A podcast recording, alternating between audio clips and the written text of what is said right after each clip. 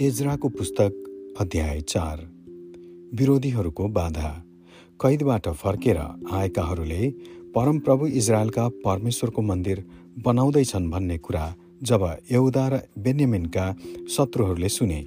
उनीहरू एरु बाबेल यसुह र परिवारका मुख्य मानिसहरू कहाँ आएर यसो भने हामीलाई पनि तपाईँसँग भवन निर्माण गर्न दिनुहोस्। किनभने हामी पनि तपाईँहरूको झैँ तपाईँहरूका परमेश्वरको खोजी गर्दछौँ र हामीलाई यहाँ ल्याउने असुरका राजा यसर रोदनको पालोदेखि नै हामी उहाँलाई नै बलिदान चढाउँदै आइरहेका छौँ। तर एरुबाबेल यसुव र इजरायलका बाँकी रहेका परिवारका मुखियाहरूले उनीहरूलाई यसो भने यो भवन जो हामी हाम्रा परमेश्वरको निम्ति निर्माण गरिरहेका छौँ त्यसमा तिमीहरूको केही सम्बन्ध छैन। फारसका महाराजा कोरेसले हामीलाई आज्ञा गर्नुभए झैँ हाम्रा परमप्रभु इजरायलका परमेश्वरको निम्ति यो भवन हामी मात्र निर्माण गर्नेछौँ। तब त्यस देशका मानिसहरूले यहुदीहरूको मन निराश गराउन र त्यो भवन निर्माण गर्ने काम बिथोल्न त्रास हाल्ने काम सुरु गरे। तिनीहरूको अभिप्रायलाई नाश गर्न उनीहरूले तिनीहरूको विरुद्धमा काम गर्न सल्लाहकारहरूलाई भाडामा लिए।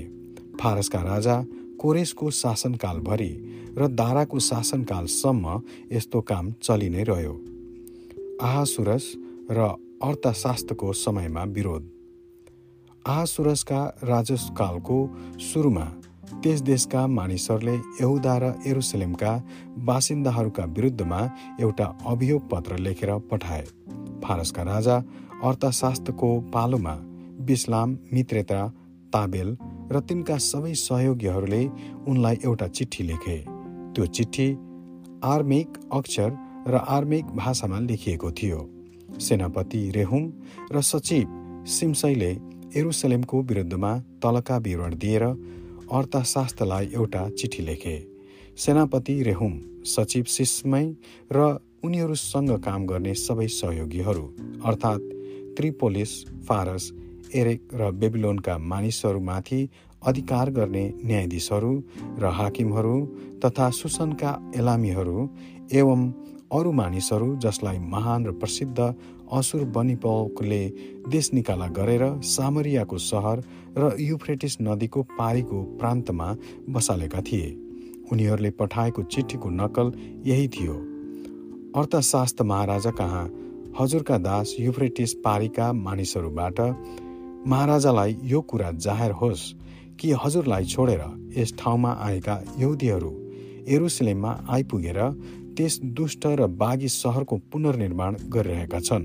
तिनीहरूले त्यसको जग मर्मत गरी त्यसको पर्खाल सिद्ध्याउनै लागेका छन्। महाराजालाई यो कुरो पनि थाहा होस् कि तिनीहरूका सहरको पुनर्निर्माण भयो र त्यसको पर्खाल सिद्ध्याइयो भने तिनीहरूले राजकर आयकर अथवा महसुल तिर्ने छैनन्। अनि आखिरमा राजसत्तामा हानि ल्याइनेछ। हामीले राजाको निमक खाएका हुनाले र राजाको अपमान भएको हेर्न हामीलाई उचित नलागेकोले महाराजालाई यो कुरा जनाउनलाई हामी यो सन्देश पठाइरहेका छौँ कि हजुरका पूर्वजहरूका अभिलेखहरूको तलास गरिबक्सियोस्। अभिलेखहरूमा खोजे हजुरलाई यो कुरो थाहा लाग्नेछ कि यो सहर एउटा बागी सहर हो। र राजसत्ता र प्रान्तहरूमाथि हानि पुर्याउने यो सहर प्राचीन कालदेखि नै राजद्रोही भएको हो।